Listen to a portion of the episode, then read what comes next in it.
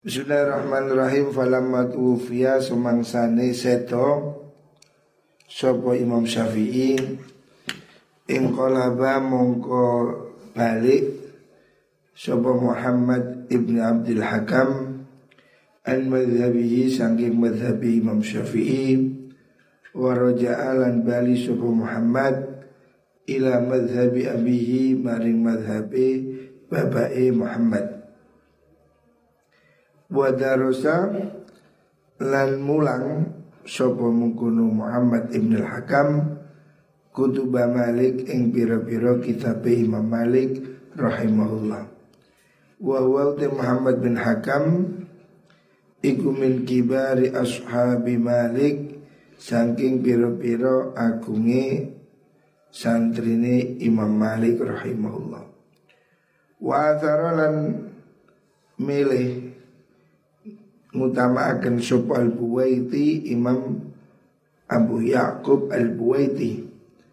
Az-zuhda ing sifat zuhud tirakat wal khumula wal khumula lan sifat khumul. Khumul itu samar tidak terkenal. Walam yu'jibhu lan orang gawakan hu ing mengkono al-Buwaiti ob al-jam'u kumpulan golongan wal julusulan lunggu fil halqati ing dalam kalangan halakoh halakoh pengajian waslagolalan ketungkul sopo al buwaiti bil ibadati kelan ibadah.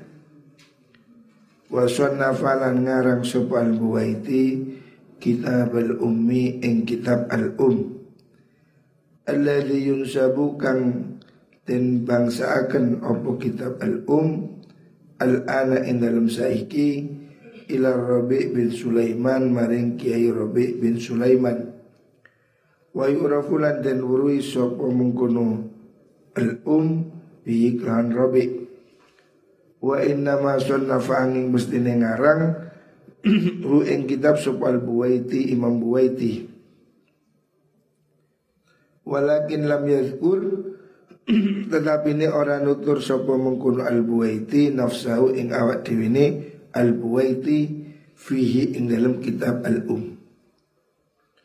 Walam yunsibu lan orang bangsa akan sopo al buwaiti hu ing kitabul um ila nafsihi maring awak ini imam al buwaiti. Fazada mongko nambahi sopo ar-rabi'u imam rabi' ya.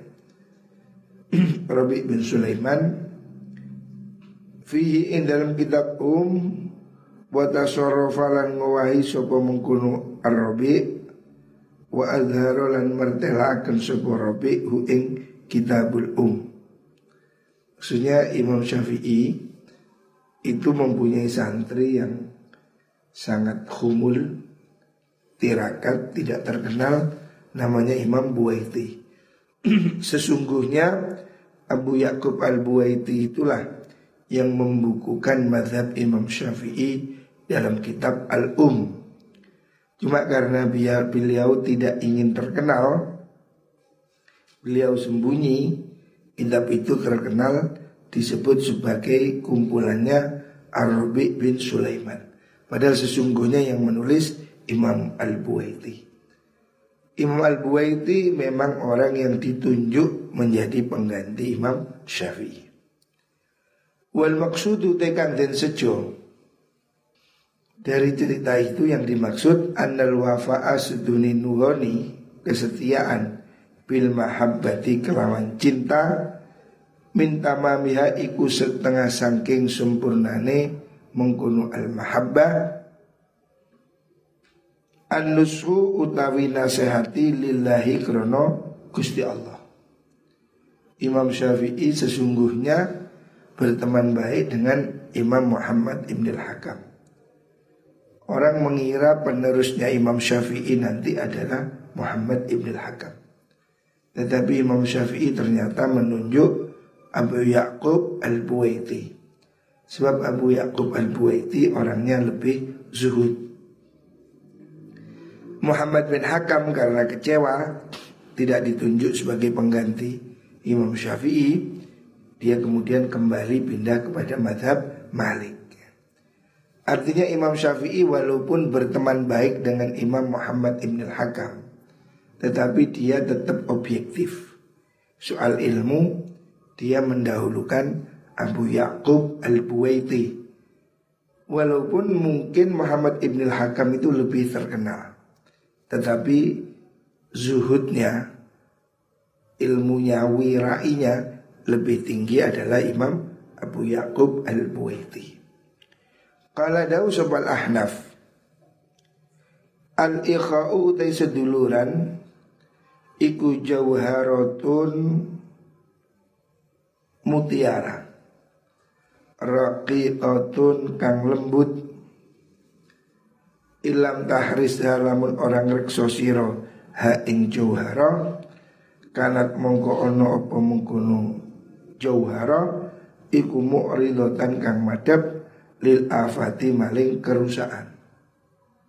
Persaudaraan itu bagikan apa permata yang halus kalau tidak dijaga rusak. Fahriza mungkin jogo siro yang mungkin jauhara bil kadmi kelawan ngempet apa mengempet emosi menahan emosi. Berteman ini harus ada kesadaran untuk menahan emosi. Hatta tak tadhira sehingga ngapura sira ilaman maring wong zalamaka kang zalim sapa man ka ing sira. Wa biridho lan kelawan ridho hatta la tastakfira sehingga orang ngakehaken sira min nafsika sanging awak dewi sira al fadla ing keutamaan wala min akhika lan ora sangking sedulur siro atak siro ing pepeko. Jadi hendaknya kamu apa namanya berusaha bisa menahan diri untuk tidak apa itu mudah marah dan bisa menerima kekurangan orang lain. Jangan selalu nyalahkan orang. Sebaiknya dalam setiap hal introspeksi, apa kesalahan diri sendiri.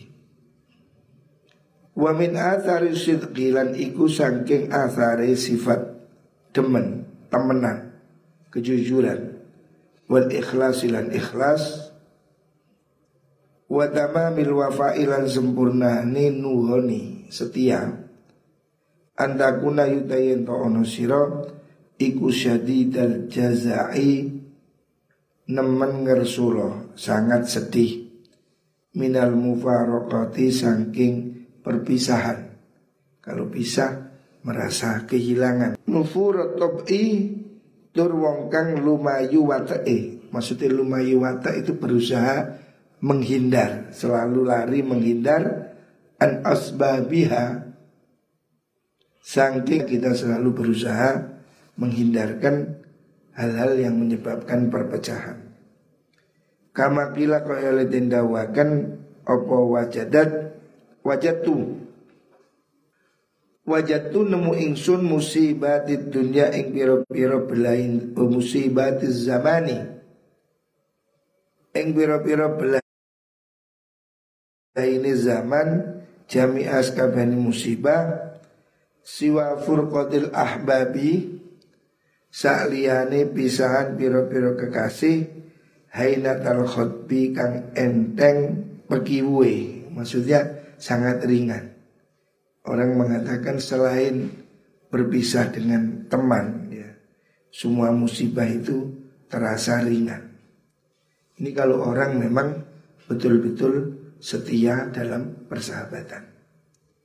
Wa ansyadalan nembangaken sapa Ibnu Uyainah Imam Ibnu Uyainah hadzal bait ing ikilah bait hadzal baita ing ikilah bait wa qala lan dawu sapa Ibnu Uyainah.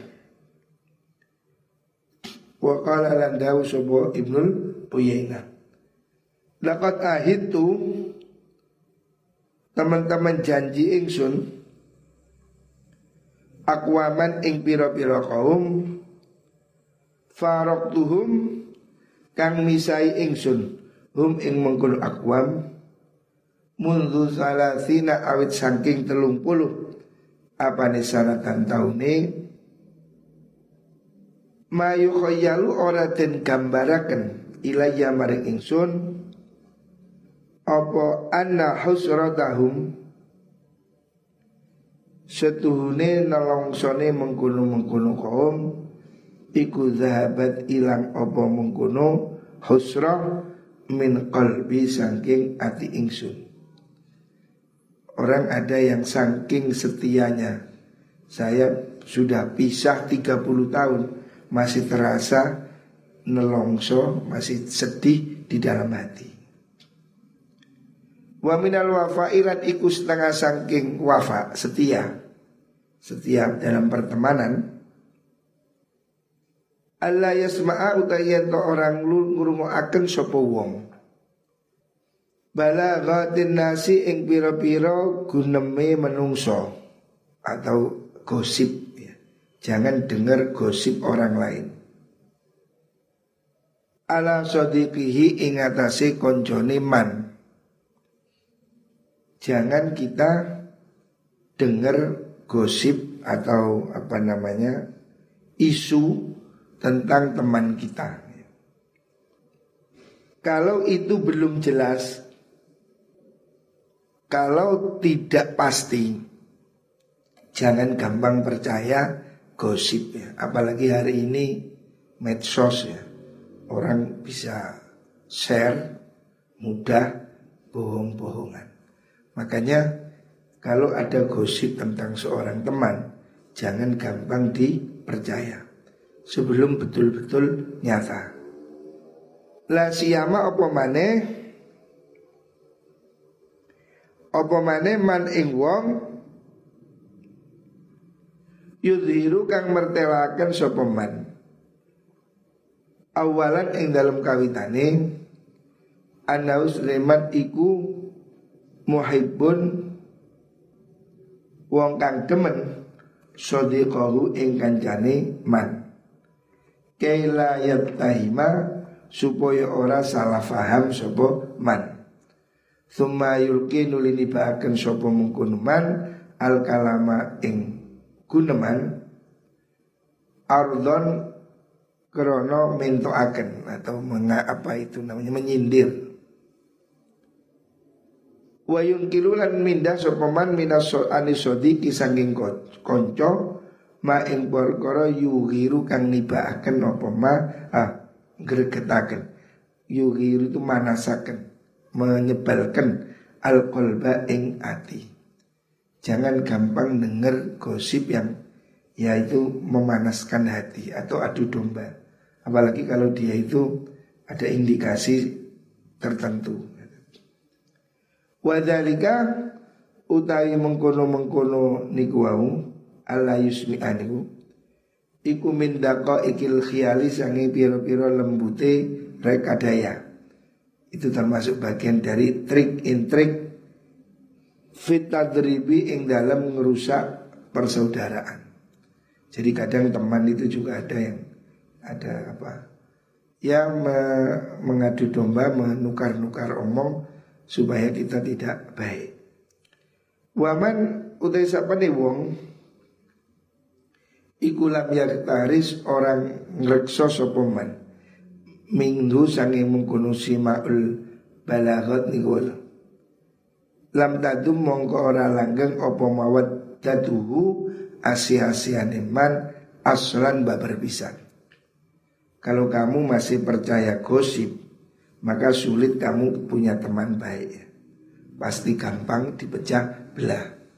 Sehingga apalagi hari ini ya fitnah itu gampang dibuat. Berita hoax gampang dibuat. Makanya kalau kamu tidak lihat dengan mata kepala, jangan percaya. Kamu lihat aja belum tentu benar. Sekarang kan bisa diedit foto, diedit. Walaupun benar kelihatan, itu belum tentu benar. Wong sekarang bisa diedit. Jangankan foto, video sekarang bisa diedit. Orang bisa bikin video omongannya dari orang lain, tetapi mulutnya mulutnya orang lain. Itu kan bisa ada apa namanya itu aplikasinya. Umpamanya fotonya Samsul diedit bisa nyanyi bahasa Inggris. Iso mulutnya ya bergerak-gerak. Padahal itu editan. Artinya gambar pun video pun bisa diedit. Jangan gampang percaya dengan sesuatu yang kamu tidak lihat sendiri. Kalau dawu sapa wahidun wong suici li hakimin maring seorang hakim, hakim orang bijak.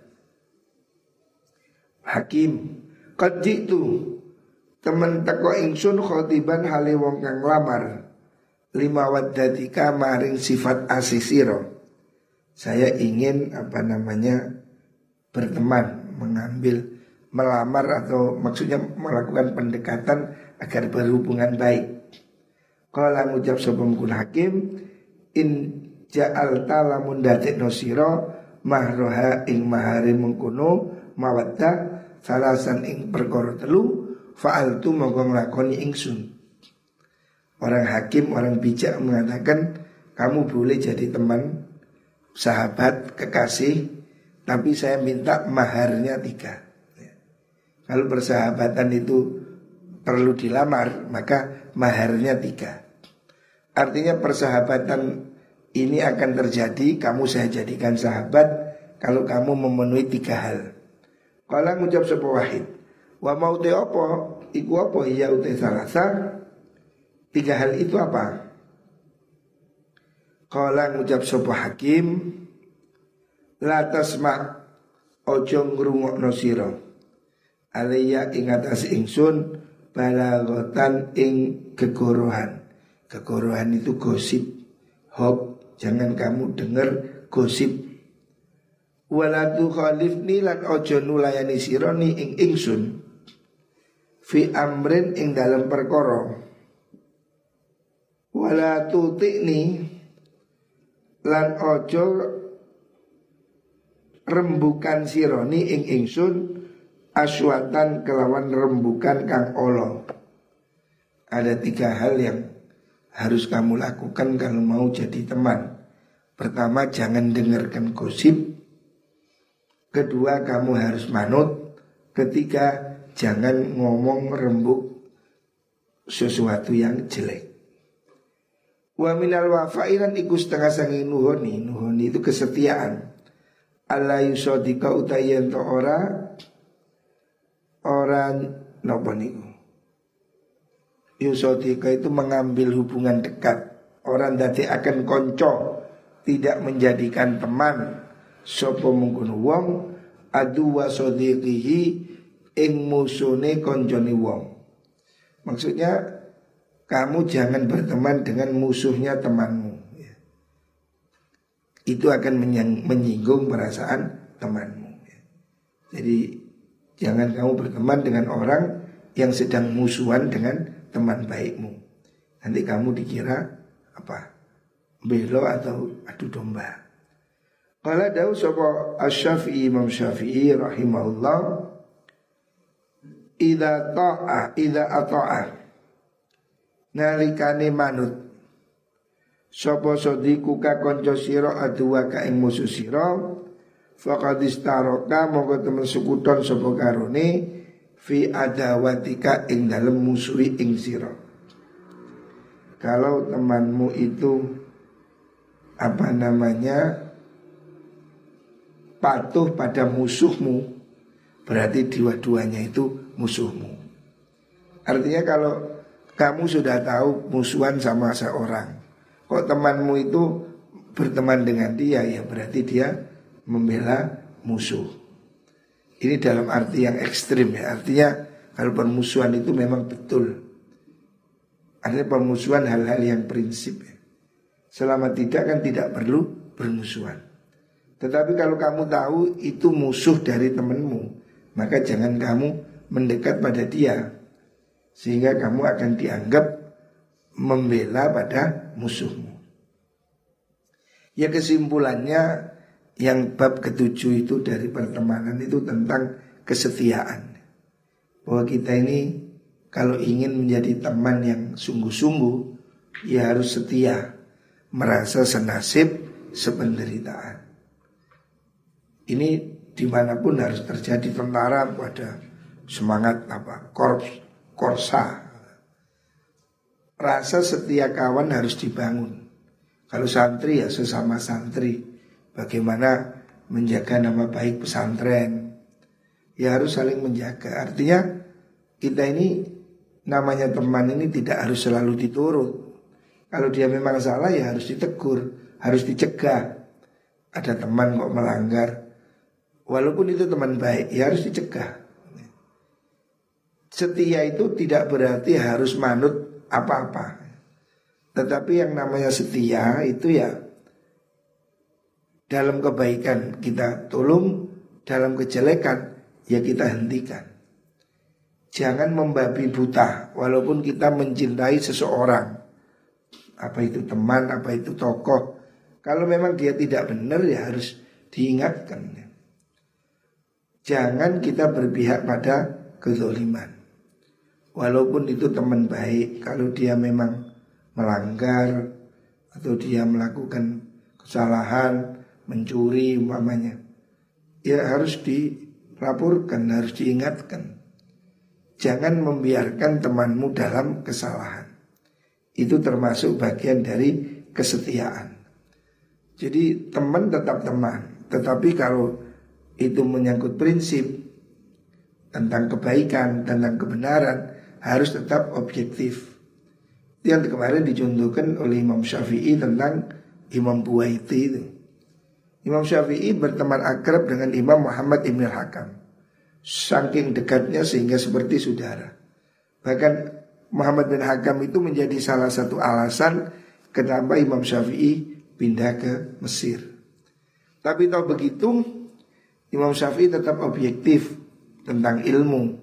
Dia tidak menunjuk Muhammad bin Hakam sebagai penggantinya, dia menunjuk Imam Abu Yakub Al-Buwaiti. Walaupun hubungan Imam Syafi'i dengan Al-Hakam ini luar biasa dekat. Seperti saudara. Tetapi karena ini soal amanah ilmu, dia menilai Abu Yakub Al-Buwaiti lebih lebih pas, lebih afdol, lebih zuhud, lebih wirai. Artinya berteman ini tetap harus objektif. Kita ini walaupun menyenangi seseorang Apa itu teman, apa itu siapa pun Harus tetap objektif Artinya kalau salah ya salah. Jangan pilih kasih, jangan membiarkan kesalahan. Dalam pendidikan juga begitu Di pondok juga begitu, harus tegas. Siapa pun melanggar harus dihukum. Jangan dibiarkan. Anak gak sekolah Anak main HP Tidak boleh di pondok semua harus harus seragam. Jangan sampai orang itu karena teman kemudian tidak adil. Tetap soal kebaikan harus pada jalan yang lurus. Semuanya ya Wai ngaji dioprak Wai sekolah dioprak ya. Jadi lakukan apa yang harus menjadi kewajiban Walaupun itu seorang teman Seperti ayah saya dulu saya walaupun anaknya digundul, nggak ngaji saya digundul dua kali saya digundul sama ayah saya. Ayah saya tidak peduli, anaknya pun digundul. Jadi tegas gitu. Pendidikan itu memang seperti itu. Sehingga anak-anak ayah saya nggak ada yang nakal. Karena ayah saya keras. Ya. Walaupun anaknya, ya saya sendiri gundul ya digundul. Hanya soal nggak ngaji digundul ya digundul. Biasa kalau ayah saya begitu. Gak ada yang dimanja. Bapak orang ini kalau sudah dimanja rusak. Ya. Itu pasti. Penyebab banyak ya termasuk anaknya kiai. Jadi rusak kalau dimanja. Merokok, gak sekolah. Harus diketati. Saya sendiri anak saya tidak ada yang merokok. Saya bilang uang saya haram kamu belikan rokok. Tegas saya. Nah anak, anak saya tidak ada yang merokok. Karena saya katakan saya haramkan uang saya beli rokok. Jadi kamu kalau pakai duit saya haram beli rokok. Enggak ada yang ngerokok anak saya. Karena saya memang tegas. Kalau saya biarkan di Lurboyo enggak ada orang nggak ngerokok. Sejak dulu kiainya merokok. Bayi Mahrus ngaji sambil merokok. Tapi saya tidak saya tidak ingin anak saya merokok. Maka saya ya beri tegas. Maka anak saya tidak ada yang merokok. Anak saya laki-laki semua alhamdulillah. Karena saya bilang saya uang saya haram buat beli rokok. Mana saya nggak berani. Ya harus seperti itu, harus tegas. Kalau dibiarin ya, ya katut-katut. Dilir orang nggak ngerokok itu langka. Mungkin 85% merokok. Tapi saya kepingin anak saya nggak merokok. Ya saya beri garis. Kamu boleh minta uang tapi tidak boleh beli rokok. Ya tidak merokok. Ya Alhamdulillah. Jadi anak-anak ini nggak boleh dimanja. Harus dia harus diajari bagaimana dia hidup mandiri. Bagaimana dia bisa mencukupi kebutuhannya. Walaupun saya bisa membayar semua kebutuhannya. Tapi lihat anak-anak saya, tidak ada yang manja. Sepeda motor aja tidak ada yang punya. Coba lihat mana anak saya tidak punya sepeda motor. Itu sepeda motor yang dipakai sepeda saya. Sepupu-sepupunya kamu lihat Anur 2, Anur 3, kamu udah punya tiger, punya macam-macam sepeda. Anak saya tidak punya. Memang saya tidak tidak memanjakan. Ini mereka tidak usah sepeda motor.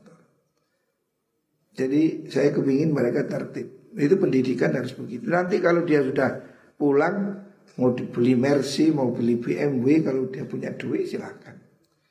Tapi anak tidak usah diajar manja. Kalau sudah diajar manja pasti gak ngaji. Ngeluyur. Anak saya di Kairo setiap hari naik bis. Yang satunya Tolha itu naik sepeda pancal. Padahal dari kampus ke dari asrama anak saya ke kampus kira-kira mungkin 6 km. Tapi saya tidak beli sepeda motor. Naik sepeda federal dia. Di Kairo bayangkan panas. Anak saya naik sepeda pancal. Bandingkan dengan kamu, coba. Tuh, kamu udah pakai sepeda motor. Padahal ya gak sombong. Kayak mana saya sama bapakmu? Hah? Baik. Oh. Coba. Anak saya kuliah di Kairo naik sepeda pancal. Demi dia kepingin hemat dan naik bis. Karena kalau naik bis dia sehari apa bisnya pindah satu bis satu bis. Maka dia memilih naik sepeda pancal, bukan sepeda motor. Sepeda pancal dan di Mesir itu panas berdebu. Kira-kira dari kampus ke ke mana? Ke asrama itu 6 kilo. Anak saya naik sepeda motor, sepeda pancal. Coba kamu. Saya prihatin kamu itu manja. Naik sepeda motor. Coba bayangkan. Itu contoh buat pendidikan itu. Saya bisa jangan beli sepeda, belikan mobil saya kuat. Kalau saya mau anak saya saya belikan mobil di Kairo. Sangat kuat. Tapi saya tidak ingin mengajar mereka manja. Ini harus ya pendidikan ini harus membuat dia mandiri. Kamu lihat anak saya Facebooknya jualan sarung setiap hari. Itu mereka harus jadi kuat. Saya tidak menyuruh tapi dia mempunyai keinginan untuk mandiri. Dan itu saya biarkan, biar mereka harus tumbuh menjadi kuat. Kalau dimanja, dia menjadi lemah. Ya. Nah, kamu harus melatih dirimu jangan manja ya. Harus kuat. Allah